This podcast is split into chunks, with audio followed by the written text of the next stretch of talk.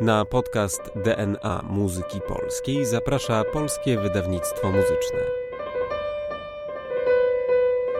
Skomplikowana historia Polski wpłynęła w bardzo wyraźny sposób na biografię wielu kompozytorów. Ale mam wrażenie, że na tego, którym zajmiemy się dziś, wpływa nadal, choć od jego śmierci minęło już 75 lat. Jest on bowiem autorem utworu, który znają pewnie wszyscy albo prawie wszyscy Polacy. Problem w tym, że niewielu wie, jak brzmi nazwisko kompozytora. A słynna Rota, bo ten utwór mam na myśli, przysłania wielki i skomplikowany dorobek Feliksa Nowowiejskiego. Dziś skupimy się na jego pieśniach inspirowanych muzyką ludową. Zapraszam, Agata Kwiecińska.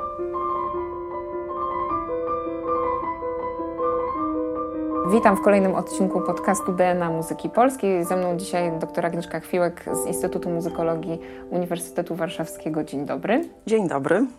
Cieszę się, że mamy okazję się spotkać nieco w innych rolach, e, bo dość długo nie rozmawiałyśmy, ale miałam okazję kształcić się pod okiem pani doktor, a dzisiaj, dzisiaj Felix Nowowiejski. Jakoś wtedy się nie zajmowałyśmy Feliksem Nowowiejskim. To prawda i, e, i przyznam, że mnie to o tyle nie dziwi, e, że Felix Nowowiejski, niezależnie od tego, jak e, mocno jest wrośnięty w, w historię muzyki, z bardzo różnych względów, w tym w historię muzyki polskiej, od pewnego momentu przecież też, to w zasadzie do tej pory nie zajmuje, wydaje mi się, należnego mu miejsca. Nie tylko ze względu na ogrom jego spuścizny, ale ze względu na wartość artystyczną niektórych jego utworów, o czym chyba ciągle albo, albo zapominamy. Albo nie wiemy. Albo nie wiemy, właśnie.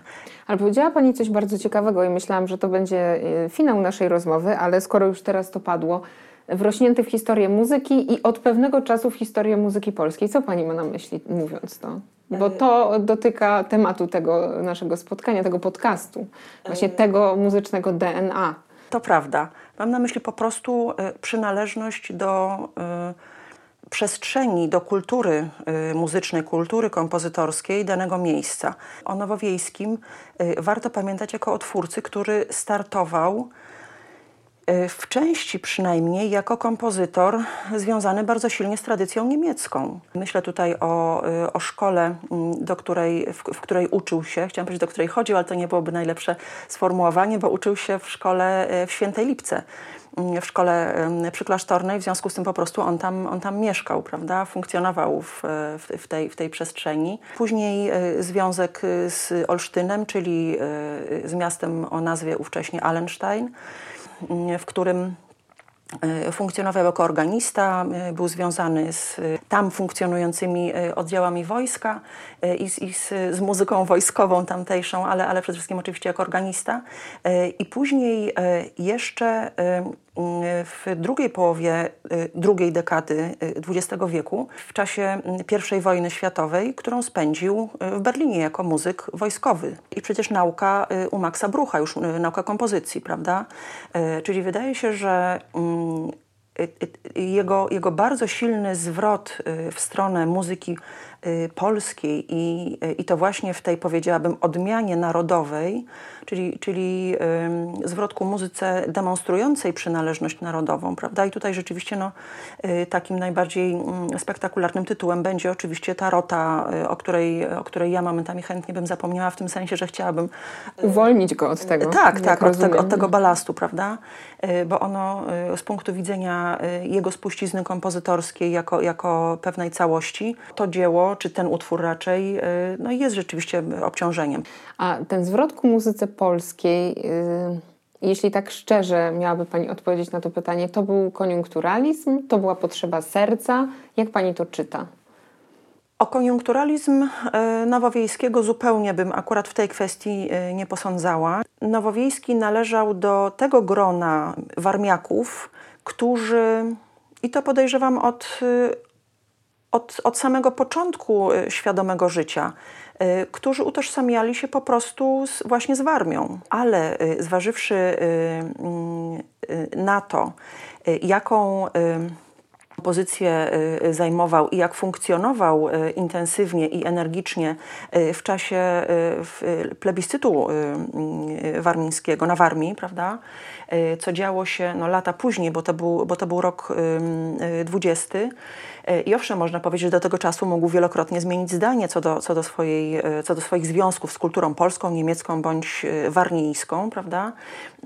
To wydaje się, że, a, a było to już 10 lat po rocie, znów Rota po raz kolejny powraca, ale wydaje mi się, że, że jednak to jego zaangażowanie w ruch plebiscytowy po stronie, po stronie polskiej i energia, z jaką działał w tym, w tym, w tym ruchu, dowodzi tego, że, że chyba to wynikało z jego jakichś bardzo głębokich przekonań, niekoniecznie tych, które, które mogły w nim Mm, powiedziałabym, nie wiem, y, y, wzmóc się w, w, w, czasie pobytu w Krakowie, w czasie lat krakowskich. To kiedy obserwował, co się dzieje y, z, z przygotowaniami strony, strony niemieckiej do tego plebiscytu, prawda, i z tym importem ludności właśnie na, na, na ziemię warmińskie, no to mógł sobie zdawać sprawę z tego, że, że to jest walka o sprawę przegraną, prawda, a jednocześnie bardzo silnie się w to angażował i zresztą z tego czasu, wydaje mi się, pochodzi też bardzo silny impuls do Y, powtórnego zainteresowania się y, ludową muzyką y, warmińską. Tutaj, tutaj przejdę już do tego tematu najważniejszego dla nas dzisiaj w tej rozmowie. Z tego czasu, z lat dwudziestych, z początku tej dekady, pochodzą liczne jego pieśni churalne, y, nawiązujące do, do muzyki y, tamtejszej, czyli właśnie warmińskiej. I to się początkowo jeszcze nie przekładało na, na lirykę wokalną, czyli na pieśni na głos solowy z fortepianem. Czyli tak, początek lat dwudziestych to jest ten moment, kiedy on wraca do tego materiału, który zna i pisze pieśni najpierw churalne. E, tak. Przynajmniej, Czyli przynajmniej... można powiedzieć, że to jest taka muzyka użytkowa. Poniekąd. E, tak, oczywiście. E, nie, no, bez nie poniekąd, poniekąd, nie poniekąd. Tak, dlatego że, dlatego, że on pisał tę muzykę bardzo silnie zakorzenioną właśnie w materiale ludowym. Przede wszystkim w tym sensie, że to po prostu były teksty ludowe. Czyli od początku do końca to są teksty ludowe. Owszem, już później na przykład widać to też bardzo wyraźnie w, w pieśniach na głos solowy z fortepianem, kiedy on pisze w wydaniach, w pierwodruku właśnie pieśni warmińskich na przykład, y, że pieśni te mogą być wykonywane zarówno w gwarze warmińskiej, jak i y, w języku literackim y, polskim. E, dla polskiego wydawnictwa muzycznego pracowała Pani nad pieśniami ludowymi, czyli już tymi w wersji artystycznej, tak? Czyli muzyką ludową, którą on przetwarza do celów, jakby to właśnie ująć, no, artystycznych, tak? To jest taki nurt, który w polskiej muzyce jest już obecny mm, no, od y, połowy XIX wieku na dobre. No ale w tym czasie też mamy y, kompozytora, który był tym bardzo zainteresowany, nieco w innej estetyce niż nowowiejskiej. Myślę o Szymanowskim, nie można jakby tego pominąć. Y, jak wiadomo, Szymanowski był skoncentrowany na konkretnych regionach, ale no to, co zostawił i to, z czym my dziś możemy obcować, no to jest taki bardzo wyrazisty i y, najwyższej próby artystycznej głos. Myślę o pieśniach kurpiowskich oczywiście przede wszystkim w tym kontekście. Jak Nowowiejski podchodzi do tego tematu i, i skąd on czerpie, y, skąd, bo to nie tylko przecież jest folklor warmi, warmiński, e, to jest po prostu polska muzyka ludowa. Naświetlmy to, kiedy on y, się tym tak na poważnie zajmuje, a później bardzo jestem ciekawa, jak Pani prace nad tym materiałem e, e, wyglądały? E, zacznijmy zatem od, od czasu. Dlaczego ta kwestia datowania tych dzieł jest, jest tak, tak ważna? Bo kiedy myślimy właśnie o tym zwrocie Szymanowskiego w stronę muzyki polskiej, o pierwszych jego takich poważniejszych spojrzeniach właśnie w stronę tej muzyki, to cofamy się do początku wieku. Y, I tutaj, zanim, zanim przejdę do pieśni króciusieńko, tylko wspomnę. Y, uwertura y, no, koncertowa. Uwertura koncertowa Swaty Polskie, mhm. czyli, czyli też możemy na przykład, skoro, skoro przywołała Pani nazwisko Szymanowskiego, co wydaje się oczywiste, jeśli chodzi o, o właśnie wątek muzyki ludowej. Ciężko, ciężko się w ogóle tak, od tego Przejść nad tym do, do, do, porządku dziennego, oczywiście. To, to można powiedzieć, że właśnie ta uwertura Swaty Polskie to przecież okolice mm, uwertury koncertowej mm, Szymanowskiego, prawda? Bardzo niemieckiej. Tak. Jakże Straussowskiej. Prawda? A u, a u Nowowiejskiego w utworze no, noszącym tytuł polski, prawda? Swaty polskie, wydanym jednakowoż y, w niemieckiej oficynie, co oczywiście należy, należy odczytać jako, jako sukces Nowowiejskiego, ale też wydaje się, że on po prostu w to środowisko spokojnie mógł wrosnąć właśnie po, po studiach u, u Maxa Brucha, prawda? I tam funkcjonować jako bardzo zdolny niewątpliwie Y, y, znakomicie, ze znakomicie opanowanym warsztatem, w tym również orkiestrowym, co akurat y, dla, dla kompozytorów bardziej polskich, jeśli chodzi o punkt wyjścia, nie było taką oczywistością jeszcze, jeszcze parę dekad wcześniej, prawda, czy nawet w ostatnich dekadach wieku XIX. W tej uwerturze pojawia się właśnie tytuł Swaty Polskie i pojawiają się odniesienia do muzyki, pytanie czy ludowej, czy raczej narodowej w sensie ogólnym. Y, co ciekawe, kiedy, kiedy y, słuchamy tej, tej uwertury, bardzo jeszcze oczywiście tradycyjnej y, i raczej, raczej neoromantycznej niż, niż modernistycznej, tutaj o modernizm nie można oskarżyć Nowowiejskiego, więc, więc wydaje się, że, że jeśli chodzi o zaawansowanie stylistyczne, to Szymanowski w tym wczesnym swoim utworze idzie, już w tym wczesnym utworze idzie zdecydowanie dalej. Natomiast, natomiast tak czy inaczej właśnie u Nowowiejskiego E, słyszymy wyraźnie właśnie te nuty polskie. Co ciekawe, e, nie mazurkowe, e, Otóż dwie czwarte i cztery czwarte, ale tak czy inaczej, mm, czyli metra dwudzielne, ale tak czy inaczej rzeczywiście te bardzo różne rytmy, rytmy taneczne polskie, w tym również krakowiakowe, ale, ale one nie dominują, możemy, możemy tam usłyszeć. No, zatem jest to, jest to początek, początek wieku, prawda? Mm, natomiast liryka wokalna również ta odwołująca się do, czy przede wszystkim ta odwołująca się do, do właśnie muzyki ludowej, to są dopiero lata 30. W roku 31 e, pojawiają się, wydane zostają e, cztery pieśni e, polskie dedykowane Janowi Kiepurze, co, co wydaje mi się warto, warto podkreślić, bo to pokazuje, to zresztą też przeziera w tytułach, dwie z tych czterech pieśni mają, mają w tytule właśnie imię, imię Janek. W związku z tym wydaje się, że tutaj Nowowiejski pokazywał swoje specyficzne poczucie humoru, prawda? Wybierając taki materiał, który... który Jeszcze taka dodatkowa dedykacja. Tak, tak byłby, byłby właśnie Kiepurze szczególnie, mógłby być szczególnie miły, prawda? W kolejnych latach pojawiają się zbiory najwartościowsze. 25 y, pieśni warnijskich, czyli właśnie warmińskich i pięć pieśni z Podbeskidzia Śląskiego. Te pieśni ukazały się w tym samym czasie. Wydaje mi się, że ten materiał warnijski, czyli, czyli ten jemu nowowiejskiemu najbliższy, najbliższy że on z pewnością siedział w jego głowie, był wstępnie wymyślany, obmyślany Y, wydaje mi się z pewnością dużo wcześniej, zważywszy też właśnie na tą jego no, mm, taką, taką y, smutną, jeśli chodzi o, o koniec, y, przygodę z z plebiscytem, prawda? Czyli to odświeżenie sobie tego repertuaru w okolicach roku 20. Wydaje mi się, że można to potwierdzić konkretnym cytatem z, z tekstu sformułowanego przez, przez Nowowiejskiego. E, pieśni, pieśni e, warmińskie wydane zostały w roku 1935. Myślę tutaj o, o pieśniach solowych mm, na, na głos fortepianem. I rok później Nowowiejski e, opublikował krótki tekst zatytułowany Polska pieśń warmijska. Tu jeszcze jedna wersja tego, tego słowa. W czasopiśmie Polacy za granicą. I we wstępie pisał – Pieśń, która jest wytworem najbardziej subtelnych, idealistycznych poczynań kiełkującego ducha społeczności, opiera się z dawien dawna na pierwiastkach religijnych i narodowych. Trwa ona wiecznie, przechodząc z pokolenia na pokolenie, pulsuje krwią serdeczną, łączy i wiąże ludność z macierzą nawet wtedy, gdy ta ludność jest od niej oderwana. Ziemia warmijska, prastara ziemica piastowska, posiada całą plejadę pieśni będących pomnikiem polskości i głębokiego zespolenia ludu warmijskiego z polską ojczyzną. Pieśni te można podzielić na religijne, obrzędowe, powszechne i różne.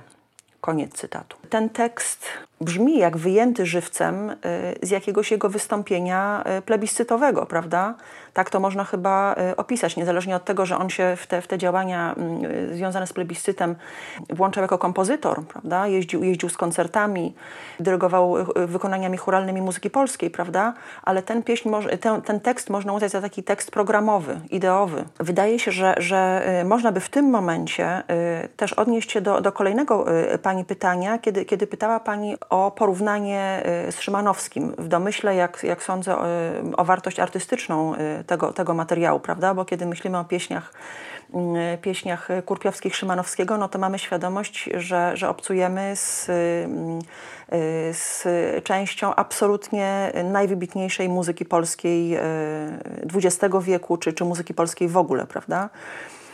E, i jednocześnie, że mamy do czynienia z e, czymś, co e, można by nazwać nową muzyką polską tych pierwszych dekad czy pierwszej połowy XX mm, wieku. Prawda? Tak, z pewnym połączeniem takiego bardzo wnikliwego mm, spojrzenia na, na to, z czego czerpie, no bo jest tam wielki szacunek dla tego materiału, ale jednocześnie, no, no tak jak pani powiedziała, inwencja kompozytorska, chociaż niewiele to mówi. Zawsze mam takie poczucie, że co, czym to jest ta inwencja? No właśnie to, to coś, co sprawia, że no nie da się, y, mówiąc o pieśni y, opartej na polskiej muzyce ludowej w XX wieku, nie myśleć o tych pieśniach kurpiowskich. To jest po prostu niemożliwe.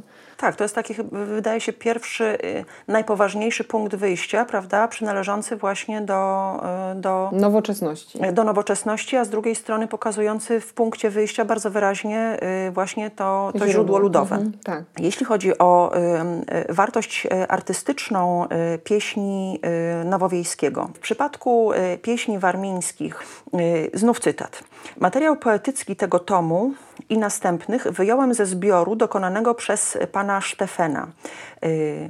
Materiał zaś muzyczny czerpałem z kilku źródeł. Od pani Marii Zięta-Równy z Olsztyna, od pana Stefena i świętej pamięci Jana Kreugera którzy śpiewali mi osobiście, jak również ze wspomnień lat swoich chłopięcych, spędzonych na Warmii, w Wartemborku, w Butrynach, Przykopie, Patrykach, Bartęgu, Balęgu, Giedrzwałdzie, Gryźlinach, Dywitach, Lęgajnach, Lamkowie i Skajbotach oraz w położonej na granicy warmińsko-mazurskiej Świętolipce.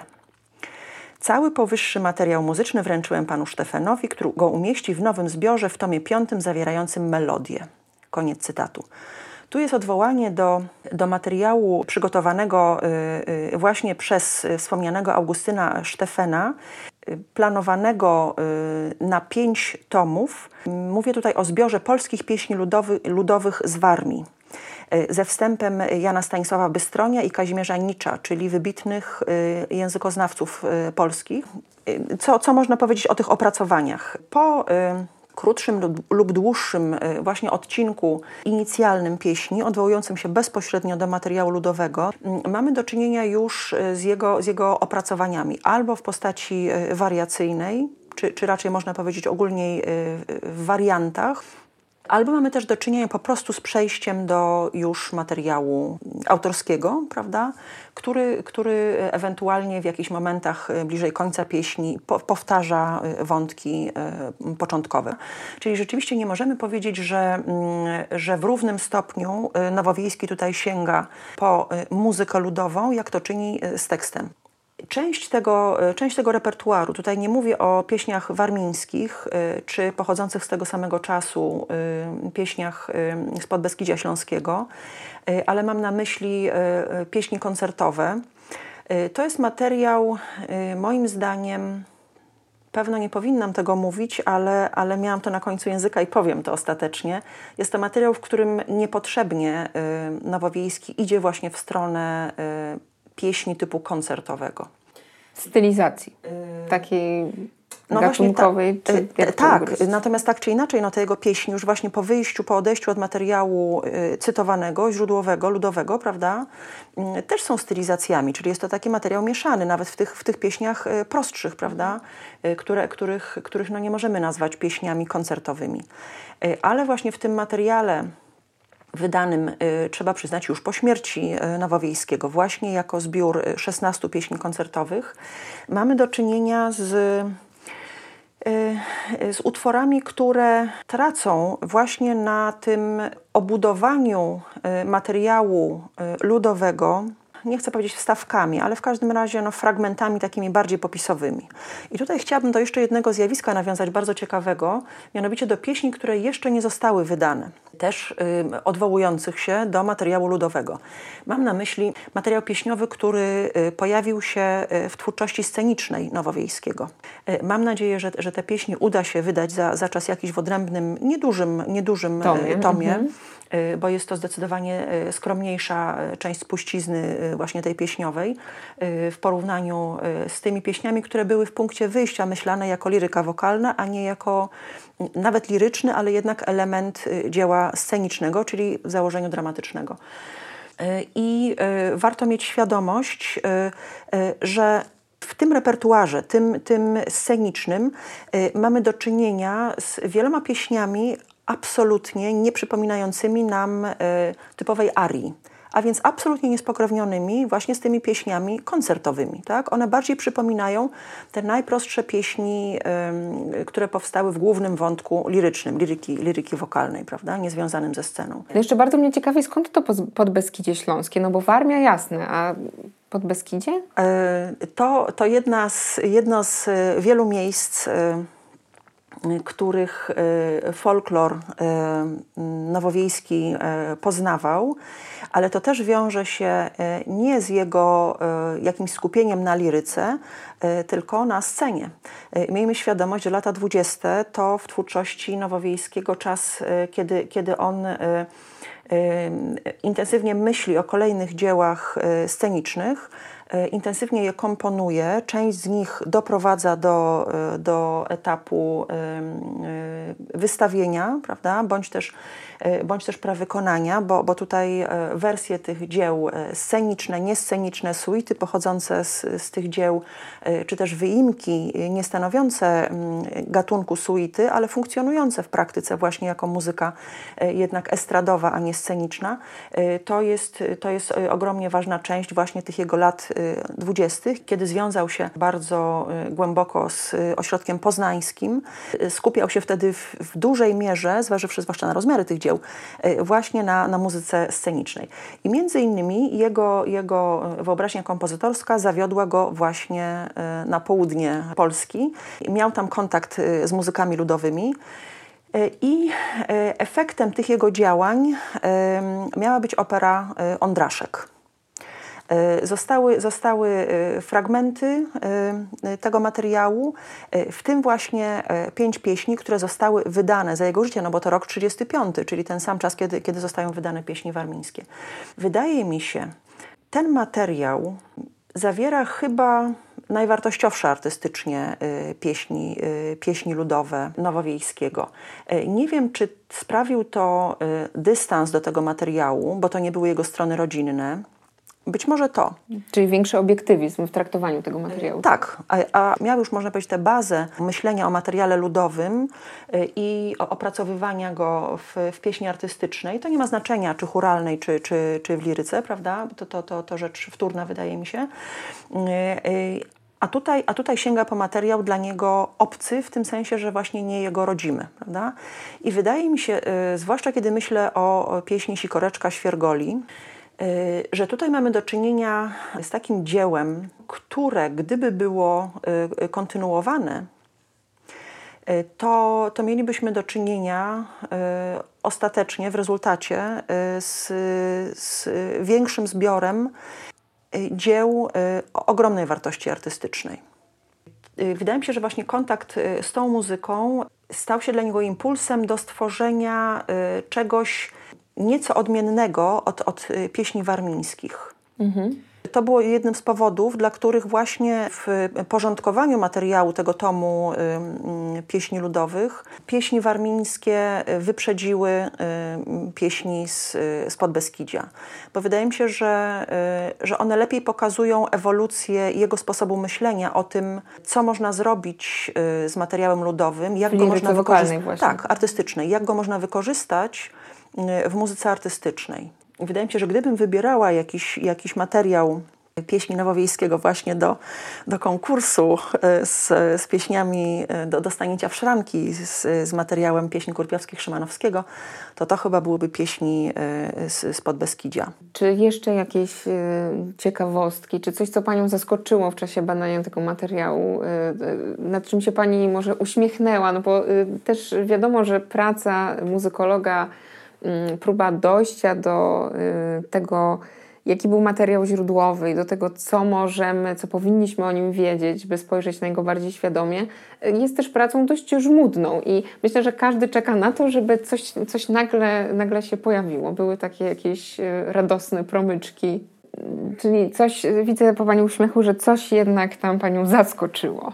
Że jednak była ta nagroda w postaci takiej wisienki na torcie. Była. E, to prawda. E, poza, e, poza pieśniami, których pierwodruki ukazały się za życia kompozytora i pierwodrukami, które ukazały się parę lat po jego śmierci, czyli, czyli tutaj myślę o no, całym materiale wydanych już pieśni do tekstów ludowych, w pewnym momencie wypłynęły, tak bym powiedziała, Zupełnie przez przypadek tutaj e, podzielę się e, moim odkryciem, e, jak bardzo trzeba rozglądać się na boki, wykorzystywać każdą okazję i każdy moment, żeby przyglądać się twórczości, która wydaje się nie dotyczy nas bezpośrednio. Kiedy na przykład zbieramy materiały źródłowe do tomu y, pieśni y, na głos z fortepianem, bo w każdym momencie może pojawić się materiał, który ostatecznie okazuje się właśnie taką pieśnią na głos z fortepianem. Przynajmniej,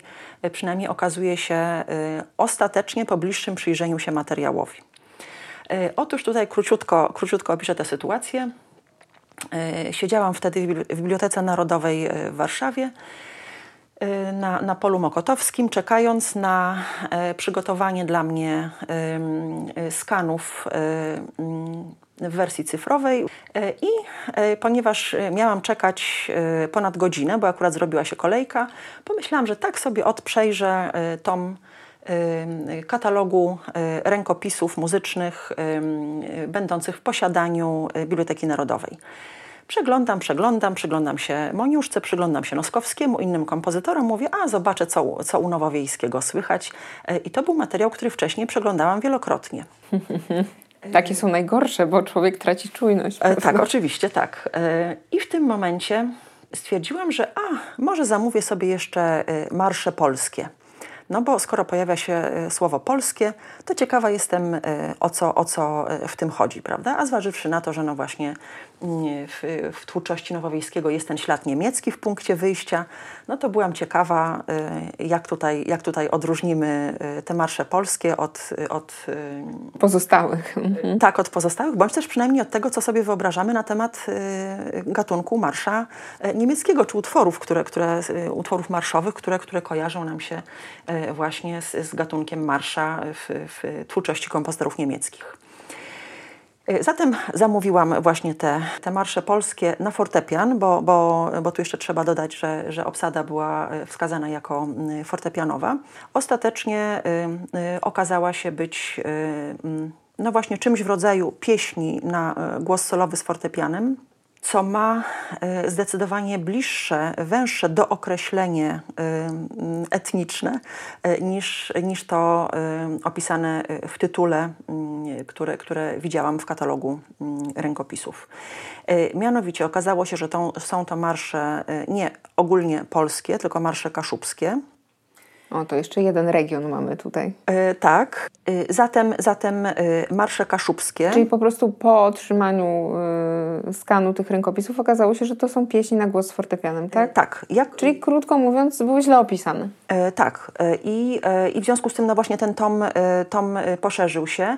I tutaj od razu się przyznam, to był na tyle późny czas w, w pracy tak, nad, nad tym tomem. W tempie Zorasz Wimygliś, czyli, czyli tak szybko jak to możliwe, żeby tutaj się e, odnieść do tego, do tego, do tego wątku e, niemieckiego, ale, ale wydaje się, że nie przeoczyliśmy niczego, tym bardziej, że, że tutaj mm, prawidłowe odczytanie tekstów tych pieśni zyskało na, na współpracy między mną a panią redaktor Adrianą Kretkowską, która w wysokim stopniu przyłożyła się właśnie do, jak się wydaje, prawidłowego odczytania tekstu słownego, który nie był momentami zapisany bardzo wyraźnie, a w dodatku tutaj właśnie ta ingerencja rodziny dała o sobie znać. Tych właśnie marszałków Jednak, tak. Y, Mhm. y, W warstwie, warstwie muzycznej nie mamy do czynienia absolutnie z najmniejszym nawet śladem ingerencji, ale tutaj e, wątek słowny e, zaintrygował, e, jak sądzę, spadkobierców. No, mogę mówić, że chodzi raczej o spadkobierców, a nie samego kompozytora, bo nasz, nasz ogląd charakteru naniesień ołówkowych czy, czy, czy kredkowych, bo, bo tutaj mieliśmy do czynienia właśnie z, z, też z kolorowymi naniesieniami i przekreśleniami, wskazywały na to, że to jest raczej obca ręka. A zważywszy na to, co wiemy o tym właśnie, jak bardzo synowie ingerowali w materiał również muzyczny, to sądzimy, że, że to była dokładnie, dokładnie to samo autorstwo, prawda? Otóż właśnie zamazane zostało słowo kaszubski nadpisane na tym słowo polski. Zatem nie marsz kaszubski, tylko miał to być marsz polski. To się ostatecznie nie przełożyło na wydanie tego materiału, ale, ale mam takie wrażenie, że ono mogło Mogłoby. pojawić się właśnie w wydaniu, że ono mogło się, że, mogło, że, że te korekty mogły właśnie nastąpić z myślą o wydaniu, prawda? I pytanie, dlaczego miał, miałby ten wątek kaszubski być no, tak skrzętnie ukrywany. Jakoś, tak, tak. Tutaj dobre słowo niewygodny miałby być, prawda? Podtytuł, w którym, w którym była informacja o tym, o incypicie pieśni. Również następowały wykreślenia, przekreślenia. Tutaj to chodziło o zastąpienie wersji oryginalnej kaszubskiej wersją polską literacką. Ale najciekawsze korekty okazały się w, w, tekście, w tekście pieśni. I tutaj zacytuję fragment incypitu piątej zwrotki. To jest pieśń zwrotkowa. Tytuł tego marsza to Mili miałam dwóch chłopaków. Już w momencie, kiedy nie znamy języka kaszubskiego, to możemy się zastanawiać, o co chodzi.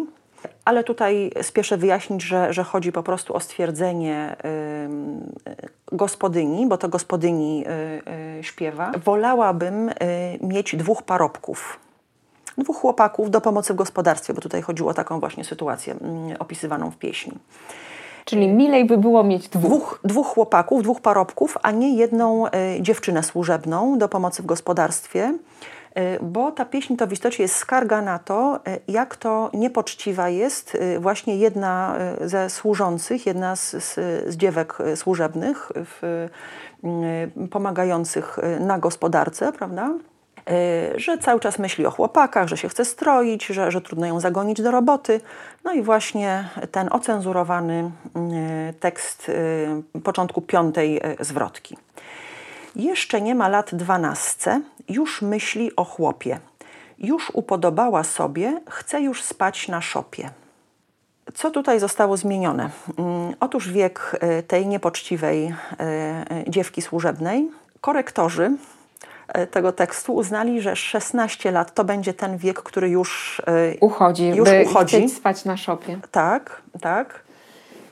Cenzura obyczajowa. E, tak, tak, to jest właśnie dokładnie ta sytuacja. E, I na to właśnie zwróciłam uwagę moim studentom na zajęciach ze źródłoznawstwa, kiedy, kiedy właśnie pokazywałam im przykłady bardzo różnych ingerencji w teksty, nie tylko muzyczne, ale i słowne. Kiedy mówiłam o tym, z czym może się spotkać osoba, która przygotowuje materiał źródłowy do, do druku. Jakich niespodzianek może się spodziewać. Różne, różne sytuacje mogłyby nam przyjść na myśl. Niekoniecznie właśnie cenzura obyczajowa i to w dodatku Piątej zwrotki. Na etapie piątej zwrotki to jedna rzecz. No ale... tak, ale to też, też trzeba pewną y, taką y, uważność zachować. Tak, i nieustępliwość, tak. do, I ostatniej, nieustępliwość do ostatniej do kropki. Ostatniej kropki bo tak. ta piąta zwrotka była ostatnią jednocześnie. Rzeczywiście tutaj, tutaj, tutaj dobrze, dobrze, że zwróciła Pani uwagę na to, że, że aż piąta zwrotka, prawda, a nie, a nie pierwsza. Czy jeszcze coś jest do odkrycia, jeśli chodzi o Nowowiejskiego? Jakie Pani ma przeczucia?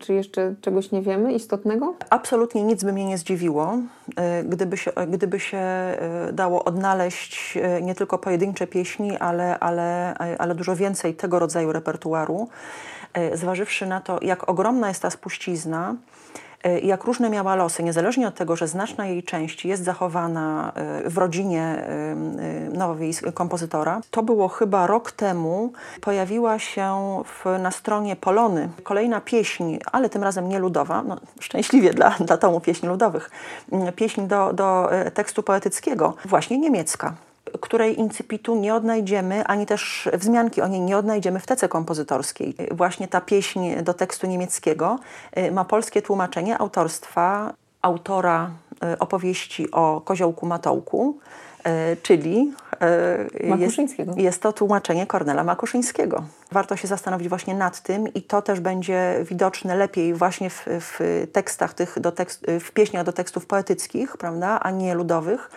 gdzie jest ta granica między twórczością niemiecką a polską w twórczości y, z wątkiem słownym. I tutaj to pytanie o DNA wydaje się jeszcze bardziej y, intrygujące, a może po prostu nie do rozstrzygnięcia. No bo... Tak sądzę, dlatego że Nowowiejskiemu y, nie można przecież zabrać E, niemieckiej części jego, e, jego osobowości kompozytorskiej. Był warmiakiem wykształconym w niemieckiej tradycji muzycznej, który ostatecznie stał się jednym z niewątpliwie najważniejszych kompozytorów polskich pierwszej połowy XX wieku. Nawet jeśli zapomnielibyśmy o pieśniach e, ludowych do tekstów niewątpliwie polskich, znaczy gwarowych, ale, ale polskich. polskich, prawda? Nawet jeśli E, zapomnielibyśmy o uwerturze Swaty Polskie z roku 1903, przepraszam bardzo, e, i innych jeszcze śladach jego, jego wczesnych tych związków z muzyką polską, prawda? To zapomnienie o najwybitniejszym jego dziele wokalno-instrumentalnym w ogóle, włączając w to jego oratoria wczesne. Czyli myślę tutaj o, o poemacie Róże dla Safo który wytrzymuje to porównanie z, y, nawet y, ze Stabat Mater Szymanowskiego. Uważam, że to jest, to jest najwybitniejsza rzecz w jego spuściźnie. I odnoszę wrażenie, że właśnie poemat Róże dla Safo, oczywiście w wersji orkiestrowej, a nie, y, nie na głos z fortepianem, bo, bo tego nie sposób porównać, ale, ale Róże dla Safo w wersji na głos solowy z orkiestrą, to jest dzieło, które, które y, można swobodnie zestawić właśnie ze Stabat Mater Szymanowskiego, również ze względu na, na tematykę, do jakiej się odnosi. To są, to są utwory o porównywalnym y, ciężarze. O porównywalnym ciężarze gatunkowym, właśnie z punktu widzenia istoty, sensu tekstu słownego, opłakiwania y, śmierci. Pomyślmy o jeszcze jednym, o Nowowiejskim y, nie jako kompozytorze uwertury koncertowej wczesnej, wczesnej tej, tej właśnie y, związanej już z, z wątkiem polskim. Y, nie o kompozytorze tych wielkich oratoriów, które przyniosły mu y, popularność i, i sławę y, w czasie, kiedy były komponowane i, i w kolejnych dekadach Przypomnijmy sobie inne z jego najpóźniejszych rzeczy, drugą i trzecią symfonię. I miejmy świadomość, że, e, że Nowowiejski rozbudowuje naszą świadomość tego, co, co się działo ciekawego, nowego w, w muzyce e, pierwszej połowy XX wieku, w muzyce polskiej, w ogromnym stopniu. Tak? To nie jest tak, że w owym czasie y, Szymanowski, Morawski, y, Fittelberg, Różycki y, i niewiele więcej. Wydaje się, że, że właśnie dzieła Nowowiejskiego z lat 30., w które wchodzą również właśnie pieśni ludowe. Y, ale y, Róże dla Safo, druga, trzecia symfonia, y, to są rzeczy, wydaje się, najwartościowsze. Niezależnie od tego, jak, jak popularna jest i wysoko oceniana jego muzyka organowa, czy popularna przede wszystkim muzyka churalna, prawda? To jest to, jest to oblicze Nowowiejskiego, o którym warto pamiętać i warto, warto interesować się tym, bo, żeby zacytować mm, tytuł monografii autorstwa profesora Gmysa, nie tylko Rota. Oj tak, zdecydowanie nie tylko. E, bardzo dziękuję za to spotkanie. Myślę, że e, apetyt na Nowowiejskiego rośnie. Ważne było tylko, żeby jeszcze e, znajdował się w repertuarze najlepszych wykonawców, bo to zawsze muzyce służy najbardziej. Tak, najlepszych wykonawców i to właśnie tymi swoimi najlepszymi utworami, żeby, żeby wchodził do kultury muzycznej na powrót. Bardzo dziękuję za rozmowę. Dziękuję bardzo.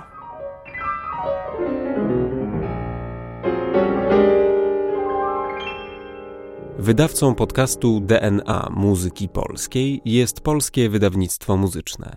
Zapraszamy na kolejne odcinki oraz do śledzenia naszych mediów społecznościowych.